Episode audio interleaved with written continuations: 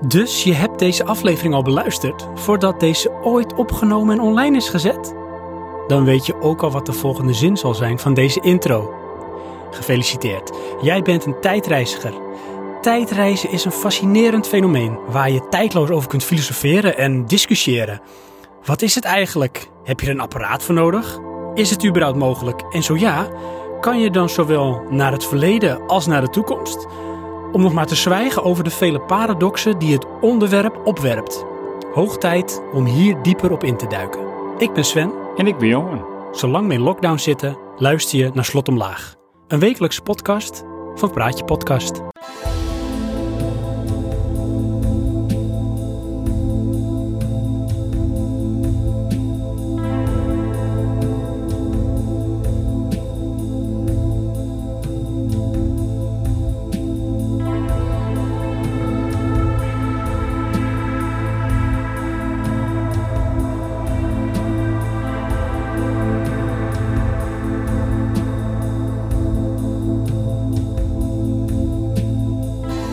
Oh Johan, Daar zijn we weer.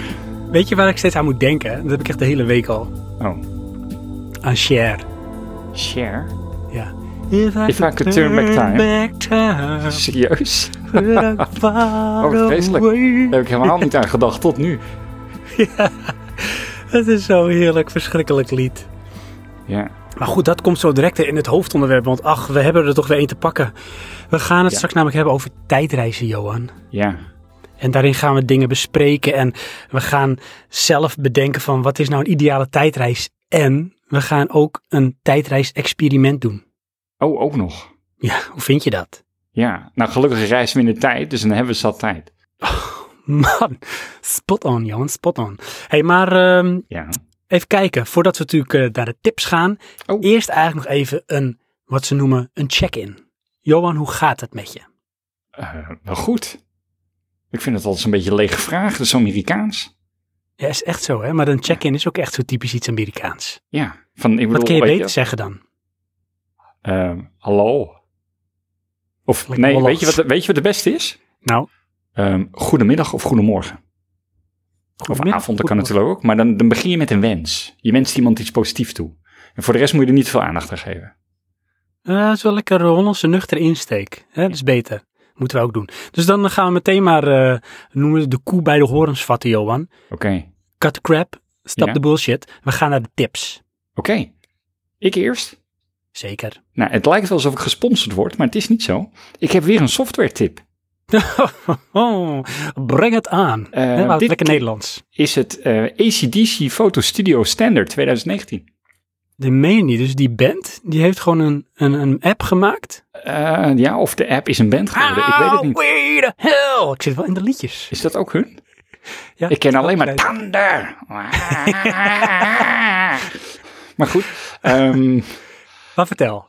eh weet het, ACDC Photo Studio Standard is nu ook weer in de aanbieding.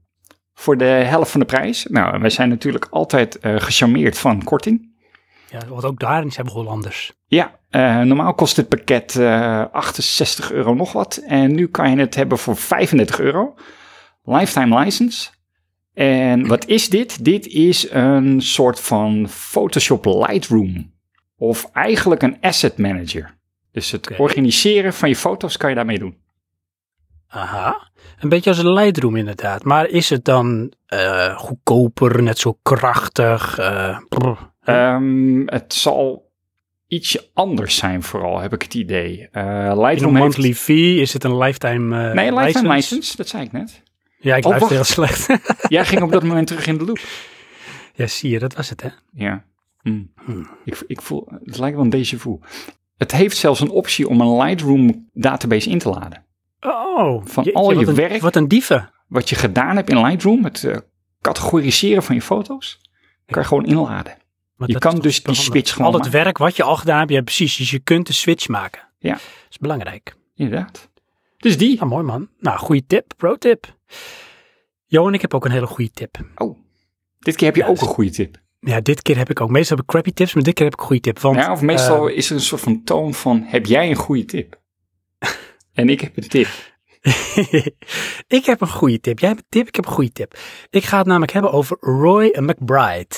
Roy McBride. En dat is de zoon van Clifford McBride. Oké. Ja. En Roy McBride, die onderneemt een missie om zijn vader te vinden. Ehm, Does it ring a bell, Johan? ja. Dat klinkt als eh, de nieuwe film van Brad Pitt. Klopt, ik heb Ad Astra gezien. Serieus? Ja. Ad Astra, jongen, die stond toen op ons lijstje van eh, die willen we gaan zien. Daar zouden we volgens mij zelfs toen voor naar de bioscoop gaan, maar om een of andere reden is dat niet gelukt. Ik dacht dat hij er niet uit was. Nee, hij is uit. Zeker. Schijnbaar. Ja, hij is in 2019. Hij eh, duurt ruim twee uur. Hij is geregisseerd door James Gray. Ik zal het heel kort toelichten met in de hoofdrol Brad Pitt en Tommy Lee Jones. En een mini-rol voor, ehm, van Liv Tyler. Ja. Maar goed, het gaat dus over eh, Brad Pitt. Ja. En hij is astronaut. Maar het mooie is, hè, als je de, de, de trailer ziet. Ik kan me voorstellen dat je dan een bepaald beeld hebt van die film. En ik weet niet of dat gaat kloppen. Want hoeveel actie verwacht je in een science fiction film waarin het hoesje een heel moeilijk en serieus kijkende Brad Pitt is? En meer ook niet eigenlijk. Dat is een moeilijke. Want dan zit je een beetje met van waar wil Brad Pitt zich op dit moment positioneren in de filmwereld. Ja, precies. Maar dit is dus echt een soort met, ehm, ja, een, een, een, een verhaal over een persoonlijke struggle van iemand in een science fiction setting. Ja, dus dit kan ook een film zijn dat een hit or miss is. Dit is eigenlijk, noem ik even, de iets gestileerde arthouse versie van Interstellar. Er zit wat actie in, maar de actie is de ondertoon. eh, de cinematografische beelden en eh, het verhaal is de boventoon. En dat komt in alles naar voren. En Brad Pitt speelt vet goed, vind ik. Want hij is heel ingetogen. Hij, hij heeft struggles. En eh, hij doet heel veel narrating, voice-over in de film. En dan hoor je zijn gedachtes, waar hij mee zit. En je merkt in alles dat hij heel erg naar binnen gekeerd is. En dat, dat zie je ook in eh, zijn fysiek in de film, maar ook zijn beslissingen die hij neemt. En hij is heel rationeel, maar het heeft te maken met zijn verleden, met zijn vader. En daar is hij ook naar op zoek. Ik ga er niet te veel over, te verklappen, over verklappen, maar dan moet je hem de film gaan zien. Maar het is de moeite waard. Ik vind het echt, noem het maar toch, de intellectuele Interstellar. Het zou bijna een soort eh Terrence Malick film kunnen zijn. Hè, ik weet niet of je The Tree of Life hebt gezien. Dat is ook met Brad Pitt toevallig trouwens. Zwaar filosofische, stilistische film. Dat is dit eigenlijk ook een beetje. Dus dit kan een hit or miss zijn. Ja. Doe eh, in ieder geval een poging. Ga het proberen. Als het je niet bevalt, probeer gewoon terug te reizen in de tijd. Huh? ja, gewoon. Maar eh, ga het Astra kijken. Oké Johan. Jij krijgt de krant van morgen op je mat. En daarin staat dat je broer betrokken is geraakt bij een dodelijk ongeluk. Wat doe je? Dit en meer in het hoofdonderwerp.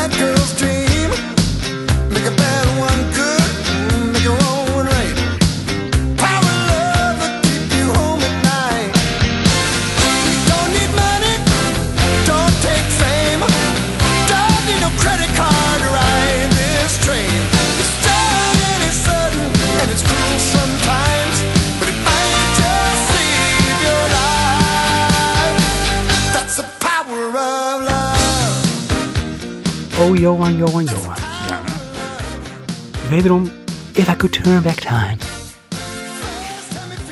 Eh, wat vond je van die, die soort padstelling die ik jou voorlegde? Die ik jou zeg maar, ook jullie luisteraars trouwens, voor de schenen wierp. Eh, totaal verwarrend. Echt hè? Wat ken je nog die serie van vroeger met die gast die de krant altijd ontving van Klopt, morgen? ja. Weet je wat ik dacht? Hé, hey, ik heb een eh, rode kater. Komt goed. Oh, dat heeft hij ook natuurlijk. Inderdaad. Ja, dat is fantastisch. Want daarom doet hij de je deur nog, open. Ja, dat is het ja. Wat weet je nog hoe die, hoe die serie heette? Eh, nee, Was het niet Early Edition of zoiets? juist. Ja, toch? Ja. Ja, hè? Want eh, ja, dit is dus het verhaal dan, hè? Wat gaat over tijdreis hebben. Ja. Ehm, maar hoe, hoe zou jij reageren, Johan? Stel je voor dat jij die krant krijgt. En in die krant staat dus dat er met ja, een van je familieleden iets verschrikkelijks gaat gebeuren. Maar dat is dus de krant van morgen. Wat zou jij dan doen? Eh, dan zit ik eerst met het dilemma, hoe kom ik ineens aan een krant? Ja, maar dat is allemaal een hypothetisch. Je hebt die krant. Oh, oké. Maar dan zit ik dus met het dilemma, eh, ja, hoe snel geloof ik dat?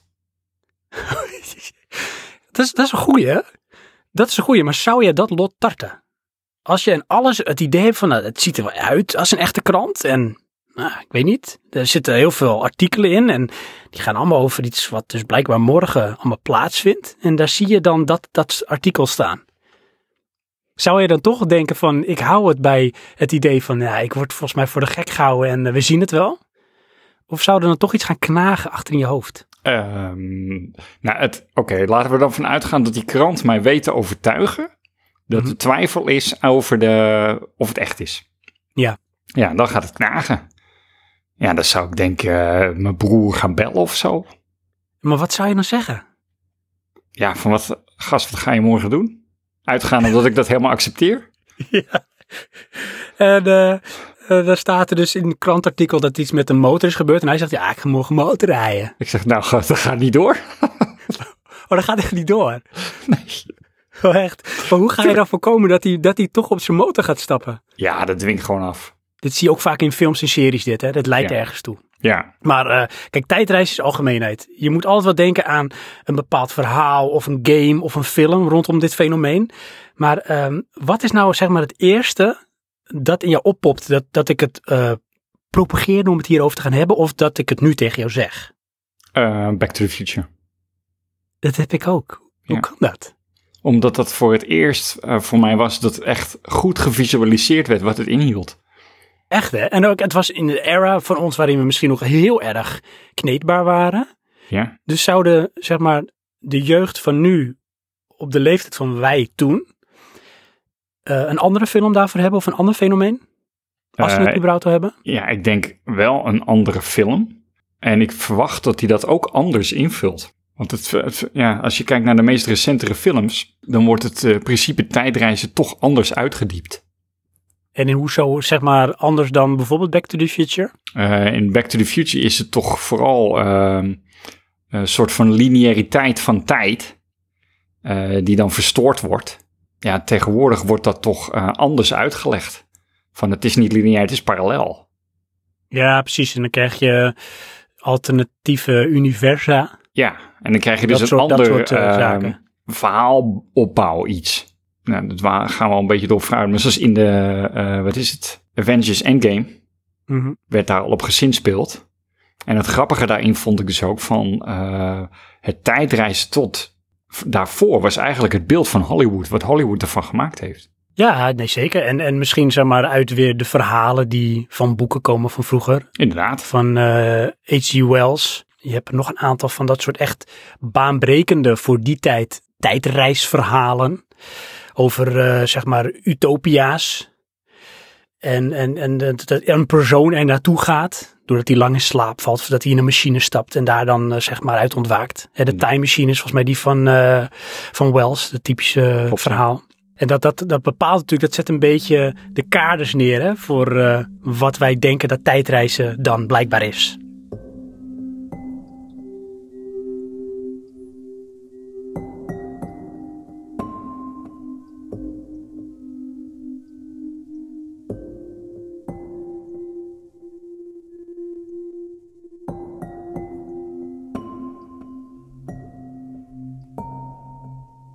Ik heb eh, getracht, Johan. Oh. En als je denkt nee, dan spoel je de band terug en dan gaan we terug in de tijd. En ook voor jullie luisteraars, om eh, deze opname in drie segmenten op te splitsen. Ik vind het altijd wel leuk om dingen in drie fouten te doen op een of andere manier. Geen idee. Uh-huh. Eerste En- segment. ja. Ja. Eerste vraag. Nemen we dit op op een band? Ja, op een virtuele band. Oh, oké. Dan je zo, kan je die terugspoelen. Ja.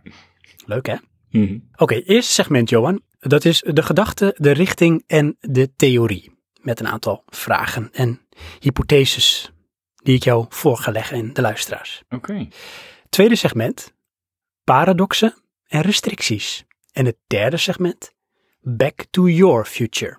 Ja, ja. Ja, dat Wauw. is echt De aflevering gaat een totaal andere eh, tijdkant op, denk ik. Oké, Ja. we gaan naar het eerste segment. Ah. De gedachte, de richting en de theorie. Meteen een vraag aan jou, Johan. Je had hem eigenlijk al beantwoord. Ik ga hem nog één keer even voor de bühne vragen aan jou. eh, waar denk je aan bij tijdreizen? Nou, jij noemde wat. Back to the Future. Inderdaad. Maar zijn er ook nog andere dingen? Associaties, niet specifiek in films, maar andere dingen. Nou ja, de, de, de gedachte van wat zou je dan doen? Dus de, de impact of de invloed dat je kan hebben doordat je tijdreist. Ja. Ik noem er nog een, misschien komt er bij jou dan ook weer een op. Of bij jullie luisteraars die misschien al lopen te schreeuwen. Denk daar aan, Johan. Nou, Einstein, Albert Einstein. Serieus? Met zijn relativiteitstheorie. Ja, Ja, is allemaal relatief. true. Flauw. Eh, nou, jij noemde het al, veranderen van het verleden of heden. Ja, Ja, en een blik eh, kunnen werpen op de toekomst. Dus verleden en toekomst. Dat is eigenlijk, denk ik, onlosmakelijk verbonden met eh, tijdreizen. Dan nou ja, nee, eh, wat, er- wat boven alles nog bij komt, Ja. de keuze tussen goed of slecht. Oeh, dat is een beetje het moraal of het moreel.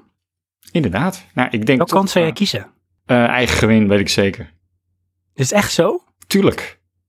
Tuurlijk, zegt hij ook. Ja, kijk, dit is leuk. ehm, een soort van, eh, eh, hoe moet ik dat zeggen, een, een verbeterpoging of zo. Maar je hebt geen idee wat dat doet. Nee, maar je interference ook niet natuurlijk, als je ingrijpt voor eigen gewin. Nee, maar dat is kleinschaliger. Dat verwacht jij. Dat inderdaad, Heb dat je wel eens van de ik, butterfly effect wel eens gehoord? ja. Dat is echt een slechte film.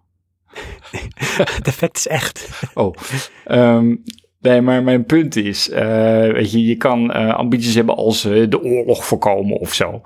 Hm. Ehm, maar dan komt er wel iets anders. Ja, natuurlijk. natuurlijk. Snap je? En ik ben dan toch misschien wel naïef, weet ik niet. Maar persoonlijk gewin is een, een kleine druppel Ja, als jij het zegt. op de plaat. Hey, als ik het heb over... ehm, Oh ja, Tijdreizen? Nee, goed, dan is dat. Zit Oh, sorry. qua dat ligt. ja, precies. Wat ik zou doen. Ja. Ja, ik zou toch denk ik zoveel mogelijk de toeschouwer zijn. Ik ben te bang Oh, dat is, vind ik echt zo jammer dit, hè? dat er eh, niet zoiets bestaat als een multiversa. Dus dat ik daardoor eh, de dingen die ik doe, zoveel, eh, dat ik daarmee zoveel verstoor van de tijdlijn, dat ik daarmee ja, of een paradox creëer en daardoor zelf misschien niet meer besta of ja, zoveel verander aan het verloop van de wereld en de toekomst, dat dat niet goed is. Oké, dus jij kiest voor geen besluit. Je blijft neutraal. Ja, zeker. Ja, ik ga niet ik ga inderdaad niet eh, ingrijpen. Ik ga ook niks doen voor eigen gewin. Nee, nee, nee. hey, maar ik heb nog een eh, vervolgvraag, Johan. Oké. Want we gaan namelijk onze luisteraars ook een beetje opvoeden. En er komen wat theorieën en het gaat een beetje wiskundig. Maar daar heb je wat aan voor als we verder gaan in de andere segmenten. Even praktisch gezien, tijdreizen. Welke kant en waarmee? Dat wil ik eigenlijk even kunnen beantwoorden. Dus ik vraag aan jou, welke richtingen kunnen we op tijd reizen? Eh, de toekomst of verleden? Oké, wat is denk je beter of makkelijker haalbaar? Eh, het verleden. Oh, jij denkt het verleden? Ja. Oh, dat zijn de wetenschappers totaal niet mee eens. Oh, dat zou kunnen. ik ook niet. Ik verzin niet ter plekke mijn eigen theorie. En waarom? Onderbouw het. Eh, het verleden. stel nou, je kan sneller reizen als het licht. Dan Mhm. kan je terug naar de oorsprong van de weerkaatsing van het licht. Ah, Oké, dat is de theorie die je erop loslaat. Ja. En waar komt dat licht vandaan? Ja, dat het licht komt vanuit een bron. En we zien doordat iets reflecteert. Ja. Nou, als je dus ver- snel genoeg teruggaat naar de bron van dat licht. Mhm. Zie je dus de oorspronkelijke reflectie misschien. Ah, Oké. En hoe ver denk jij dan daarmee terug te kunnen gaan in de tijd? Eh, tot het begin van het licht. En jij denkt daarmee dus eigenlijk ook van... Nee, laat ik het anders zeggen. Waarom zou naar de toekomst reizen dan moeilijk zijn? Ehm, omdat dat, die reflectie nog niet plaatsgevonden heeft. Oké, ja, precies, precies. Maar Ja, is ga je wel- dus ook vanuit dat je iets grijpt wat er nog blijkbaar niet is. Juist. Dus we gaan dat- ergens naartoe. Het is er nog niet. Het is nog niet gevormd. Hoe kan je daar naartoe? Juist, Want het, is, het moet nog gemaakt worden als het ware. inderdaad. En het verleden, dat ligt al achter ons. Het is gebeurd, heeft plaatsgevonden. Dus daar kun je naar terugkeren, want dat is de bron. Dat zou er dan in, in principe zijn, ja. Stel je voor, nou dat kan dus. Hè? Je, je Ja. kan naar het verleden reizen. Welke hulpmiddelen ga je daarvoor gebruiken? Hulpmiddelen. Ja, hoe ga je dat doen? Ben jij de tijdreismachine? Of is er iets, een, een fenomeen of een apparaat of een theorie die jou laat tijdreizen? Ja, dat zal dan een apparaat moeten zijn. En ik denk dat je dat dan doet met een vorm van bewustzijn. En hoe ziet dat, hoe ziet dat eruit? Neem ons mee in jouw hersenspinsel. Hallo, moet ik hier even een tijdmachine gaan uitvinden? Ja, dat wil ik. Wat is dat nou weer? Ehm, jeetje, dan eh, wil je iets hebben wat dus eh, sneller dan het licht kan ontvangen. Nou, je- ja, je moet dus een apparatus bouwen wat in staat is om een lichtstraal te vangen. En die dan eh, omgekeerd te reconstrueren. Oké, en hoe groot zou dat zijn? Hè? In, jouw, in jouw wereld, in jouw fantasie, is dat een apparaat zo groot als een auto? Of is het zo groot als een flatgebouw of iets daartussenin? Ehm, ik denk dat het gewoon eh, een, in een gebouw zit als het ware. En dan gekoppeld vanuit de ruimte of iets. Om de straling op te kunnen vangen. En het ding is dus is dat je alleen maar kan kijken. Ah, Oké, dus je, je, je- als jij, jij bent die, die tijdreiziger, maar je bent dus de observer. Als ja, je, hebt een soort van kijk in het verleden tv. Dat, dat is het idee dan. Oké, en, en is dat niet dan hetzelfde als dat je naar de tv kijkt? Of ben je wel fysiek op die tijd, binnen die tijd aanwezig? Nee, nee, het is alsof je naar de tv kijkt. Want je, Oh. je spoelt als het ware het licht terug. Oh ja, maar dat, dat, dat vang je en dat, dat, dat visualiseer je. En dan zou je bijvoorbeeld, ehm, weet ik veel, eh, het tekenen van de on- onafhankelijkheidsverklaring kunnen zien. Of het begin van de Tweede Wereldoorlog. Eh, precies, zoiets. Uitgaande dat je... dat je op die tijd uitkomt? En op die plek? eh, ja, dat is dan eh, hoe ontrafel je het licht. En het licht is dan zeg maar het, het pad dat jou eh, manoeuvreert ergens daar waar jij wil zijn. Ja, En heb je dan net zoals in Back to the Future, want we gaan gewoon dieper door op jouw fantasie. Heb je dan knoppen dat je zegt coördinaten, ik wil naar die, naar die dag. En, ja, zoiets zal het zijn. Je, je stelt een soort van golflengte af, stel ik me dan voor. En stel dat het apparaat staat in jouw huis in Alkmaar. En daar stel je hem in. Kom je dan ook zeg maar terecht weer in, in dat huis in Alkmaar waar jij bent, maar dan in die andere tijdsperiode? Nee hoor, dat is veel geavanceerder. Er is gewoon een, een netwerk van satellieten om de aarde heen. Dus je kan elke plek kijken die je wil. Wow. En waar ben jij op dat moment dat je aan tijdreizen bent eh, fysiek? Als je nu op de knop drukt, waar ben jij dan nu? Want nu ben je, aan het in het aan nu. het reizen. Oh, je bent nog gewoon in het nu. Ja, je kan je ook ondertussen zelf. uitstappen om naar de wc te gaan of zo? Nee, nee, want het is een, een televisie. Het is gewoon een televisie, maar dat Ja. is heel saai. Oh, sorry. Ik wist niet dat het ook spectaculair moest worden. Tijdreizen Ja. niet spectaculair genoeg. Oh, dat is echt, maar je bent gewoon, je bent gewoon nu waar je nu bent. Je hebt je, je joggingbroek aan, je hebt net gewerkt. Je hebt je bak nasi op. Weet je wel. En, je start je eh, internet op en gaat even tijdreizen. Dat is het. Ja. Het is wel heel praktisch. Het is ook denk ik vermarktbaar op die manier. ja, inderdaad. Kijk je in het verleden. Moet je je voorstellen hoe snel dat gewoon is. En hoe dan de geschiedenis herschreven wordt. Ja, dat is echt, dan kun je al die boeken gewoon in de prullenbak gooien. Ja. Gaan we gewoon een flesje geschiedenis hebben, dan druk je die televisie aan en dan ga je kijken en dan ben je erbij. Inderdaad.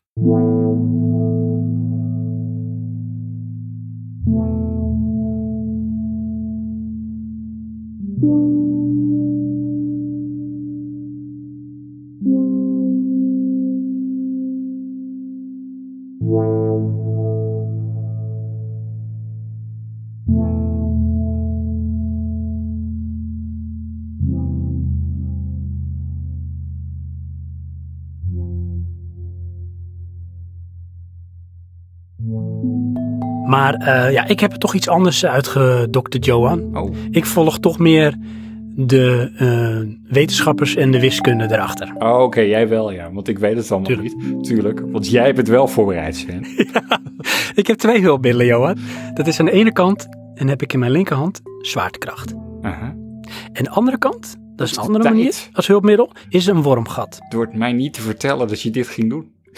Klopt. Eh, als we met de zwaartekracht beginnen, Ja. Dan eh, krijg je dus eh, het kunnen reizen en met name geënt overigens op de toekomst. Want wetenschappers zijn ervan overtuigd dat reizen naar de toekomst mogelijk is. Sterker nog, dat het ook al gebeurd is. En niet in de zin als in science fiction, maar in fracties van tijden.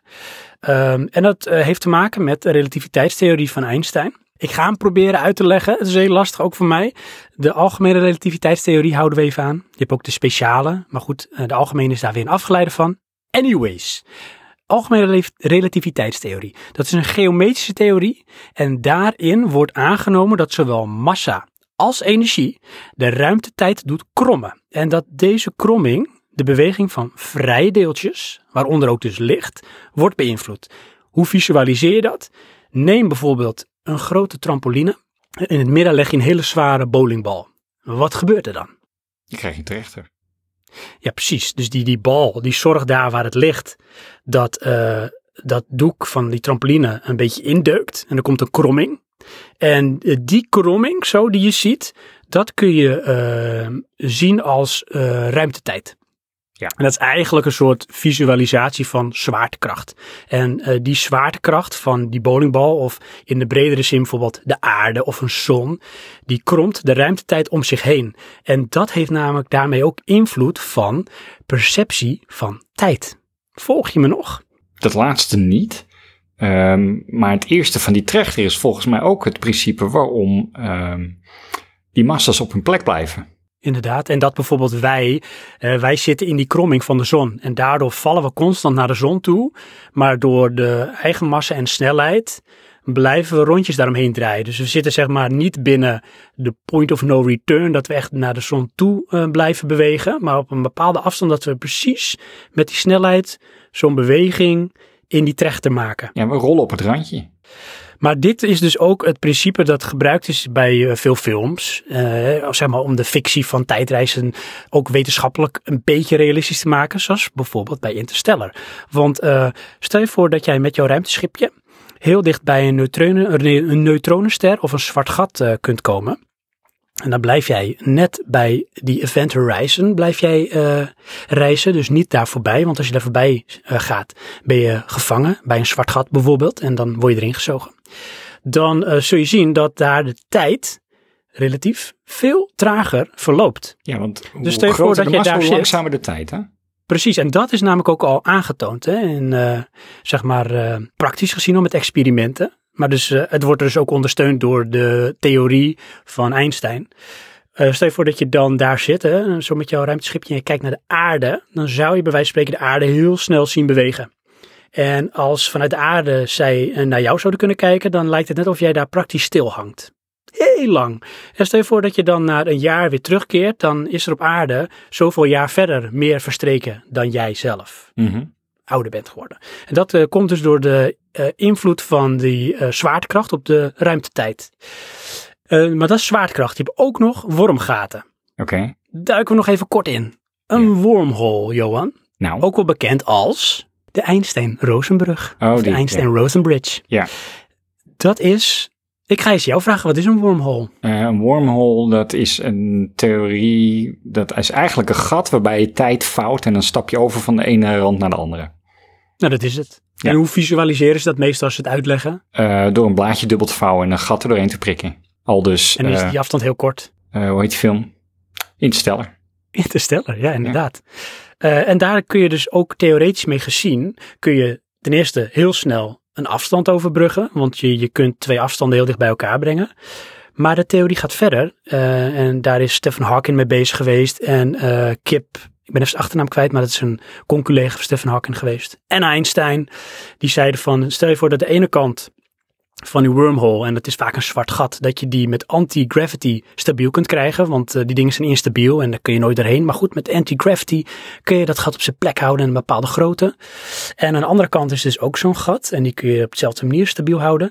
Maar die andere kant laat je heel snel weggaan met de snelheid van het licht. Als je die twee kanten dus nog steeds verbonden hebt met elkaar en je gaat bij ons daar naar binnen en je komt bij die andere kant die sneller dan het licht reist of met de snelheid van het licht reist eruit gaat, dan ben je theoretisch gezien door de tijd en ruimte eh, gereisd. En dan kun je veel verder in eh, de toekomst zijn als dat je nu bent. Oké, maar En als je andersom gaat, schijn je ook theoretisch gezien weer terug te kunnen reizen. moet je eens redeneren over hoe ab- abstract dit is. Eh, want dan heb je eerst al het principe een zwart gat. Een zwart gat is dus een fenomeen waarbij de zwaartekracht zo sterk is dat het de snelheid van het licht onttrekt. Niks kan er anders snappen inderdaad. En dat zijn vele malen massa's groter als de zon. En dan ga je dus een tegenovergestelde kracht daar zien te produceren. Ja, het is natuurlijk allemaal theorie hè. En dan Ja. kan alles in theorie. En het gaat erom van, is de theorie uiteindelijk te staven volgens de wetten van de natuur die gelden in ons universum? Dan zou je theoretisch kunnen zeggen, dit is mogelijk. Praktisch gezien, en dat is met eigenlijk wel de conclusie van tijdreizen, gaan we dat denk ik niet echt halen. Want je hebt zoveel extreme nodig. Eh, bij veel vormen heb je een extreme grootte nodig, die eigenlijk oneindig groot is. Of een extreme hoeveelheid energie, die oneindig is. En dat soort dingen, ja, die hebben we eigenlijk niet. Nee, maar nog niet. Want als je dan denkt, eh, een zwart gat of een zon. Dat is toch eigenlijk wat de Large Hydrogen Collider deed. Alleen op, Die creëren dat ook. op hele, hele kleine, kleine schaal. schaal. Ja. Ja. Hmm. Ze denken ook wel, wetenschappers, dat het waarschijnlijk binnen nu een 100 jaar mogelijk wordt om een subatomair deeltje een aantal millisecondes naar de toekomst te laten verplaatsen of terug het verleden in, zonder dat het informatie eh, bij zich draagt.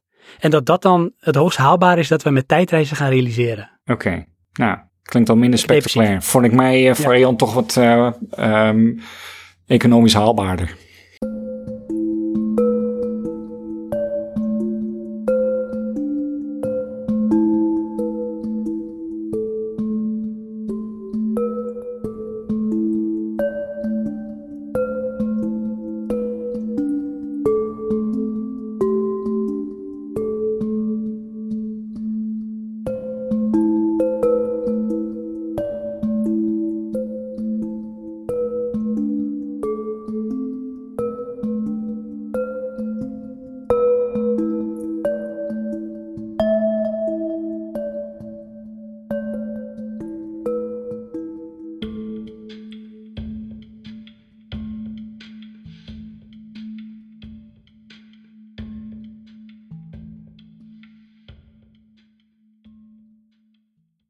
We gaan door naar het tweede segment. Dit wordt lachen, Johan.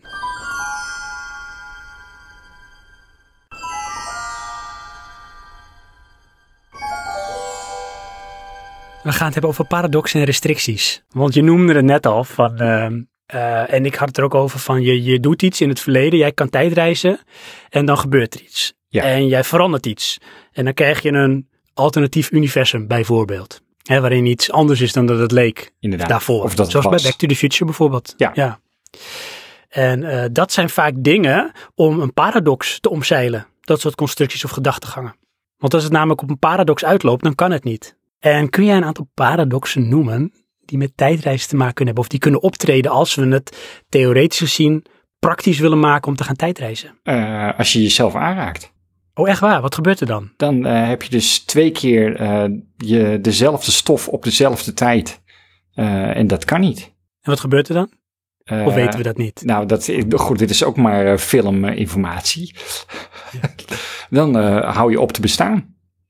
Oh mijn god. Ja, er zijn heel veel films die dat hanteren, hè? dat Ja. principe. Van je mag niet, eh voor mij is het ook met eh, Back to the Future zo, dat je eigenlijk ja. niet jezelf aan mag raken of eigenlijk ook met jezelf in contact mag komen. Bewust, Inderdaad. onbewust, want het kan een mentaal aspect hebben. Dat je in een soort shock raakt. Of het kan dus ook iets fysieks manifesteren, dus dat jij ophoudt te bestaan. Heb je al eens gehoord van eh, de Grandfather Paradox of de Hitler Paradox? De, de Hitler-paradox is dit niet eh, als je teruggaat uh, to kill baby, eh, baby Hitler? Ja. Ja, die ken ik wel, ja. Dus, eh, En dat is de Grandfather Paradox ook. En dat is een van die dingen die optreedt als je bijvoorbeeld teruggaat naar het verleden om, zoals jij wil, Johan, voor eigen gewin of voor het nobel streven, eh, besluit het verleden aan te passen.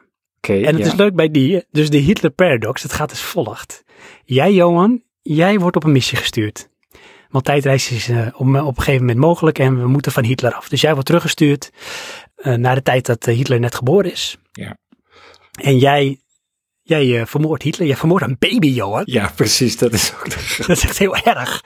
Maar weet je wat er dan gebeurt? De paradox treedt in werking. Want wat gebeurt er dan? Hitler is nooit geboren. Juist. Nou, nee, die, Ehm. is geruimd voordat hij eh, aan de macht kwam. Ja, voordat hij aan de macht gekomen. Dus de oorlog heeft niet plaatsgevonden. En eh, daardoor ehm, is er ook heel veel in de toekomst niet gebeurd. En het kan ook betekenen dat bijvoorbeeld jouw ouders ehm, besluiten geen kinderen te nemen. Of Ja. dat die elkaar misschien nooit ontmoeten. En dan besta jij niet. Ja, En weet je wat de paradox is die dan ontstaat? En dat is ook bij de grandfather paradox. Stel je voor dat dat gebeurt en daardoor ehm, eh, ontmoeten je ouders elkaar niet en eh, word jij niet geboren. Dan ben jij niet geboren, dus kan jij niet terugreizen naar de tijd. Dus is Hitler nooit vermoord.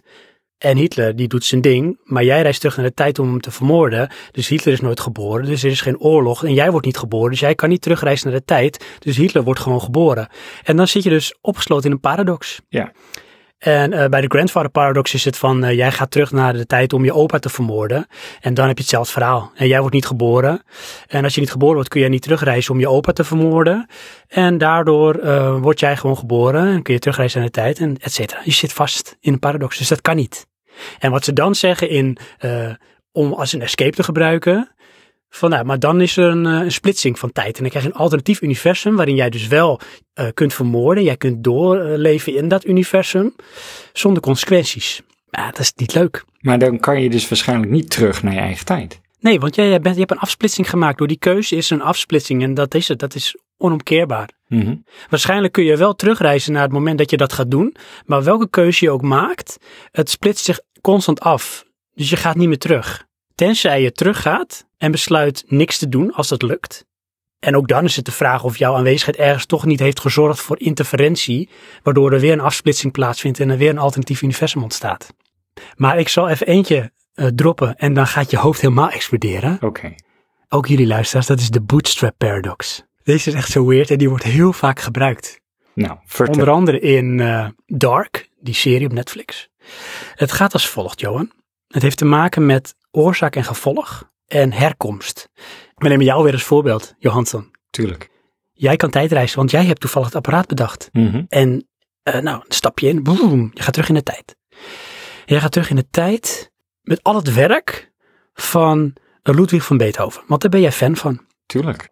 Ja, en je gaat terug naar de tijd om eh, ja, die, eh, die platen, al dat werk, alles te laten ondertekenen door Ludwig van Beethoven. In de tijd voordat hij bekend was. Dat vond je tof. Dus jij gaat terug in de tijd. En wat gebeurt er? Hij is niet te bekennen nergens. Ze hebben nooit van hem gehoord. En jij denkt, ja, maar dit kan ik niet over me heen laten gaan. Dus wat doe jij? Jij hebt al dat werk. Jij gaat het werk componeren en je brengt het uit. En wat rempel? Jij bent Ludwig van Beethoven. En de toekomst, uiteindelijk ben jij daar in die toekomst. Jij reist terug om jouw werk te laten ondertekenen door Ludwig van Beethoven die niet bestaat. Je sluit het werk zelf te componeren en jij wordt Ludwig van Beethoven. En dan is dus de eh, bootstrap paradox daarin. Wat is de origin van al dat werk wat je hebt verzameld en meeneemt terug in de tijd? Dus al dat werk van Ludwig van Beethoven. En in de bootstrap paradox heeft eh, dat werk geen origin. Dat is dus blijkbaar altijd al geweest. Die? Predestination. Dat is hetzelfde verhaal. En dat, is, dat noemen ze ook de predestination paradox. Dus er is ook geen vrije wil. Maar dat is iets wat dus eh, geen origin heeft. En dat blijkbaar dus altijd al is geweest. En dat is een, een cirkel die zich oneindig herhaalt. Maar ik weet hoe dat komt. Nou, vertel. Eh, sterker nog, een andere film, Inception. Iemand heeft bij hem in zijn hoofd gezegd dat hij dat gedaan heeft. Waardoor hij denkt dat dat zo is. Oh, dus dat zijn is een gewoon- origin. Het is niks. En hij gaat naar het verleden om iets te laten tekenen wat niks is. En op dat moment ontstaat het als zijn eigen idee. En dan komt het in de toekomst. Eh, Maar waar is dat punt dat je naar terug gaat om dat weer te doen? ja, dat is dan toch helaas wel een parallel universum.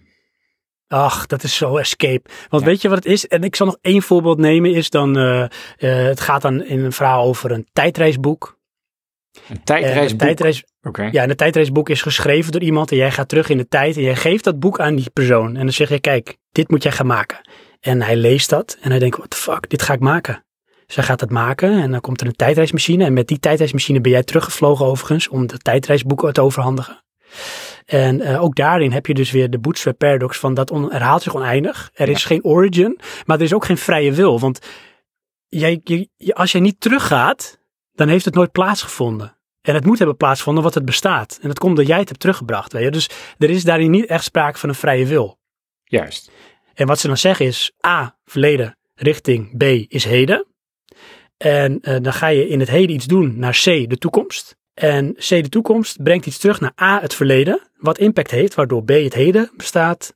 Of eh, resulteert naar C, de toekomst enzovoort. Dat is een oneindige cirkel. En het, het, het vervelende is bij dit soort dingen, is ook weer het gebrek aan vrije wil. Hè? Dus, en dat bedoelde ik ook waar ik naartoe wilde in eh, het begin van eh, de opname eh, van de krant. Hè, je gaat tegen je broer zeggen, nee, Ja. nee, nee, dat motorrijden gaat niet gebeuren. Maar stel je nou voor, Johan, en dan hebben we het ook weer over predestination, dat alles wat jij doet om te voorkomen dat jouw broer gaat motorrijden, resulteert in zijn ongeluk. Ja.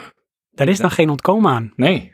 Het is de freaking paradox. Ben ik vooral boos op jou omdat wij deze podcast daarover begonnen. En is het jouw schuld. Erg hè? Dus dat zijn twee eh, paradoxen. En dat zijn dus nou met die restricties, zoals jij zegt, van, eh, van die typische tijdreisdingen.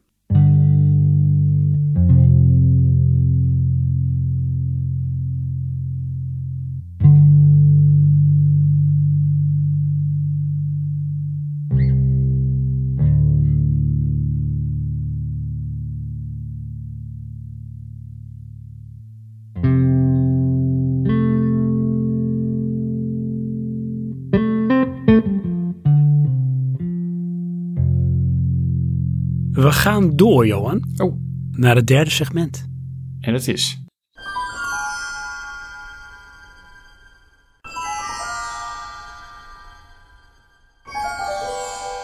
Back to your future.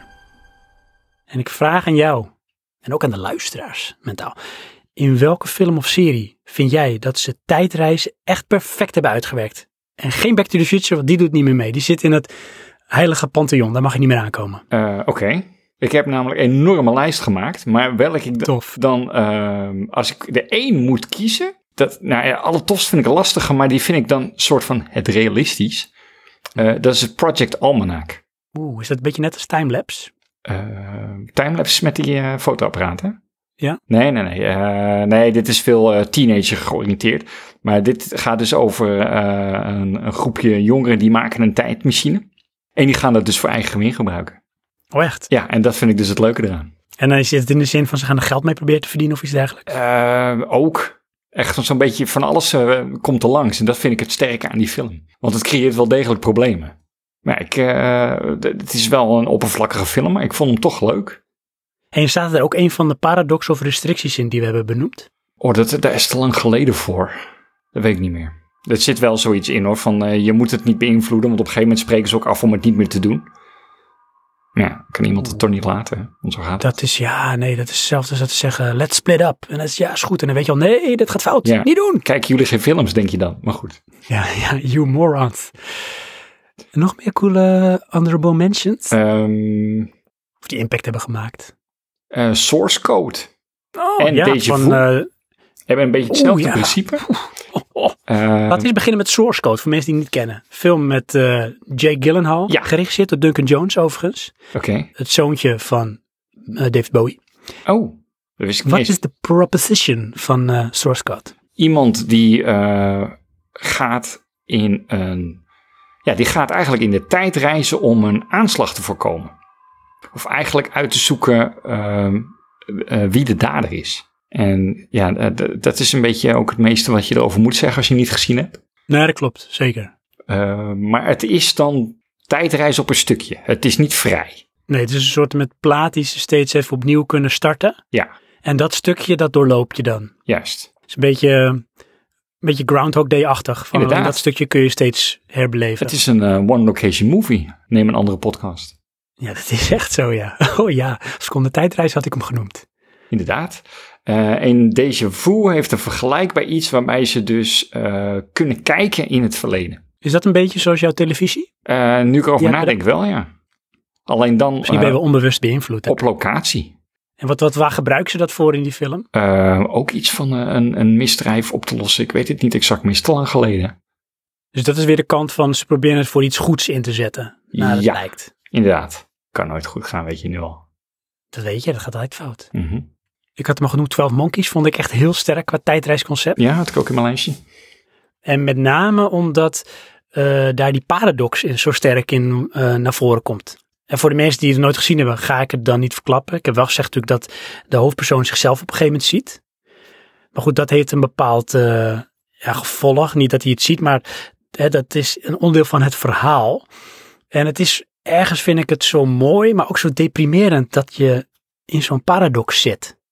Ja, het grappige is, dat is nooit wat mij bijblijft. Ik vergeet dat altijd aan die film. Ik ben altijd veel meer bezig eh, eh, met dan het stukje Brad Pitt en eh, het de Eerste Wereldoorlog stukje. Oh ja, ja. Dat vond ik Ja, dat is zo indrukwekkend. Dat is ook wel tof. Hoe, je, hoe dat dan zeg maar in één keer zo naar voren komt. Ja. Het is is maar heel klein ook in die film, maar ik denk, nou, kijk dit dan. Dat is toch Ja, vet? gebaseerd op eigenlijk een soort miscalculatie. Oh jeetje. Ja, En dan wordt het ook in, in literatuur wordt het gewoon benoemd en besproken door wetenschappers en onderzoekers. Door gewoon zo'n kleine glitch. ja. En ja, je moet de film zien van wat dat precies is dan, maar dat is heel cool gedaan. Eh, even kijken, even over wat ik ook heel tof vond, eh, Looper. Oh, die vond ik minder. Die vond ik niet zo tof als dat ik verwacht had.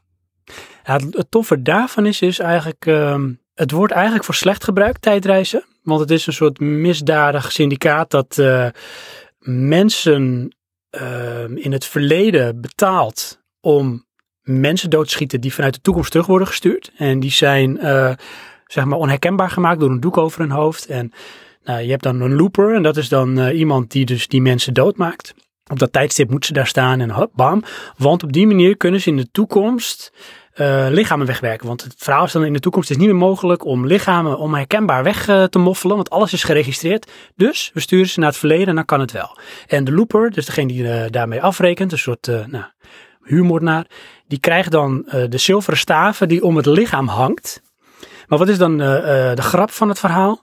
Op een gegeven moment gaat een looper zelf met retirement.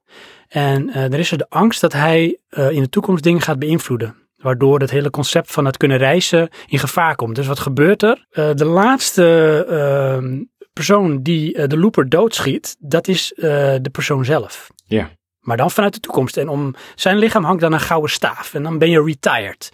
En dan kun je gewoon je leven leiden. En de meeste dingen die je doet, die resulteert er dan in dat je uiteindelijk ook vanuit de toekomst dan teruggestuurd gaat worden. Om door jouw jongere zelf te worden vermoord. Ja. Om eigenlijk, ja, zeg maar de, de, de paradox te voorkomen of het geen in stand te houden. ja, de loop rond. Ja, precies.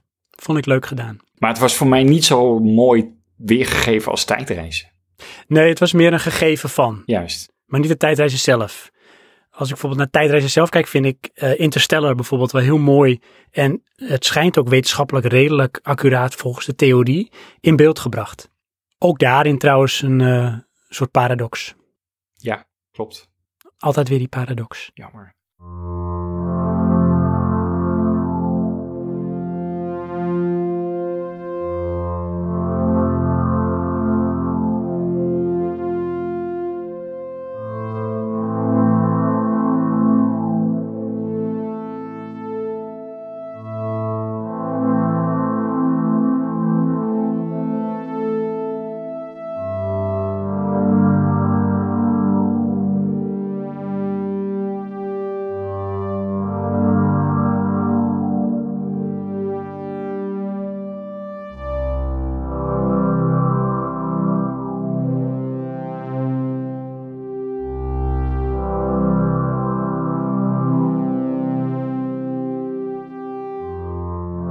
Ik wilde eigenlijk een experiment gaan doen. Oeh.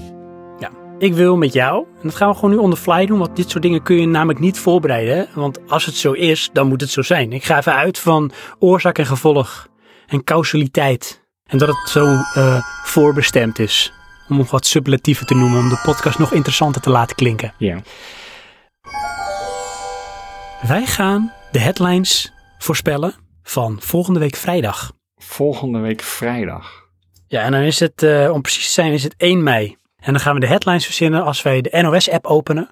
En wat gaan we daar zeker in terugvinden? En dan zo gedetailleerd mogelijk, Johan. Ehm, wat er in je opkomt. Dat eh, het nieuwe onderzoek van Amerika ehm, toch nog veel te ver weg is om getest te worden. En dat er ook ondertussen al zoveel mensen in Amerika dood zijn gegaan. Omdat ze zichzelf hebben ingespoten met eh, bleekmiddel en schoonmaakmiddel. Omdat Trump dat heeft gezegd. Ja. En de helft, zo niet meer, van Amerika is redneck country. Die allemaal luistert naar wat Trump zegt. En er zijn daardoor, om precies te zijn, 43.261 mensen overleden. Oké. Dat is echt een ramp. Dat is echt een ramp waar ze ook niet meer overheen gaan komen. Ja, nou ik verwacht dan wel dat eh, Trump gaat ontkennen dat hij dat gezegd heeft. Eh, en dat hij niet meer deed dan een suggestie van onderzoek. Oh, wat een fantastische toekomst creëren wij. En hij geeft ook China de schuld. Dat is altijd de schuld van China. Ja, want het is fake news. ja. En het komt door de left-wing media. Die heeft dat gepropageerd. Ja. Nog meer. Wat gaat er nog meer gebeuren in op Eh, 1 mei? Wat, wat lezen we? Dat we vooral nog moeten volhouden in de anderhalf meter samenleving.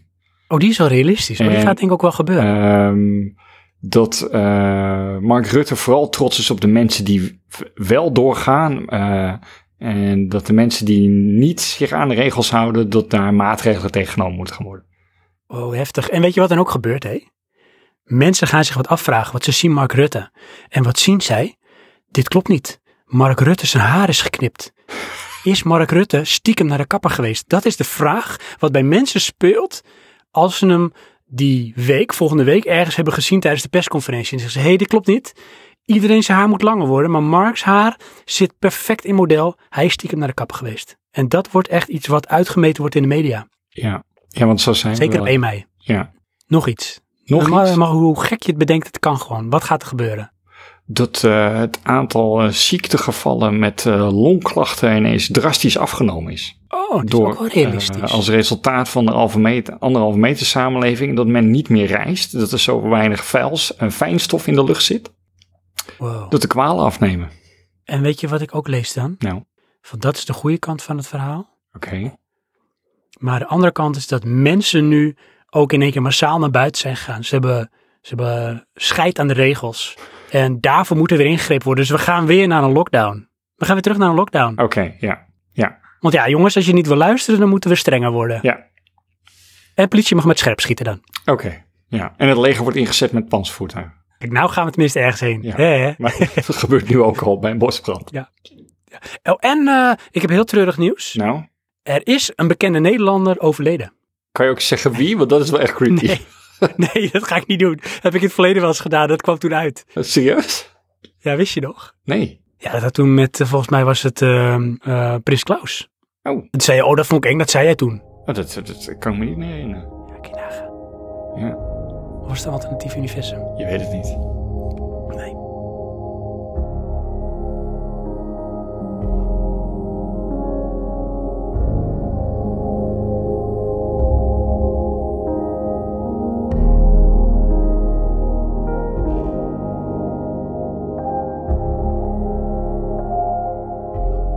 Ik vond het wel een leuk gedachte-experiment, Johan. Ja, het is alleen, ja, is het toekomst voorspellen of is het redeneren? Ja, het is een beetje appels en peren, maar ik denk dat wij misschien Eind. op een of andere manier toch, ja, ik denk dat we invloed uitoefenen op die toekomst. En dan is het een soort self-fulfilling prophecy. Ja. Ja, dat zijn de beste. En dan gaan wij ook echt alles doen om dit ook tot een werkelijkheid. Ik ga Mark zijn haar knippen. en jij gaat, de, jij gaat de cijfers vervalsen van de, de opnames en de mensen met longklachten. Inderdaad. En in Amerika eh, daar tussen de menigte te gaan. Ja, ja, dat gaan we doen. Mensen adviseren om vooral wel te injecteren. Ach, zeker. Fake We gaan news. volgende week gaan we ervaren of het zo is. Dus in de aflevering eh, van volgende week vrijdag gaan we dit eh, wereldkundig maken. Dat we dus heel goed voorspeld hebben wat er in de toekomst gebeurt. Oh ja. Ondertussen denk ik dat wij een heel eind gekomen zijn in onze filosofie over tijdreizen. Ik denk het ook. En dat we misschien iets dichterbij gekomen zijn. En je mag nog één film mag je nu verdroppen van ga die kijken. Eén film? Ja, en dan stoppen we de opname. Dan is het ook meteen bij voorbaat, dus zeg ik nu alvast. Jongens, bedankt tot volgende week. Aan Johan het laatste woord. Edge of Tomorrow.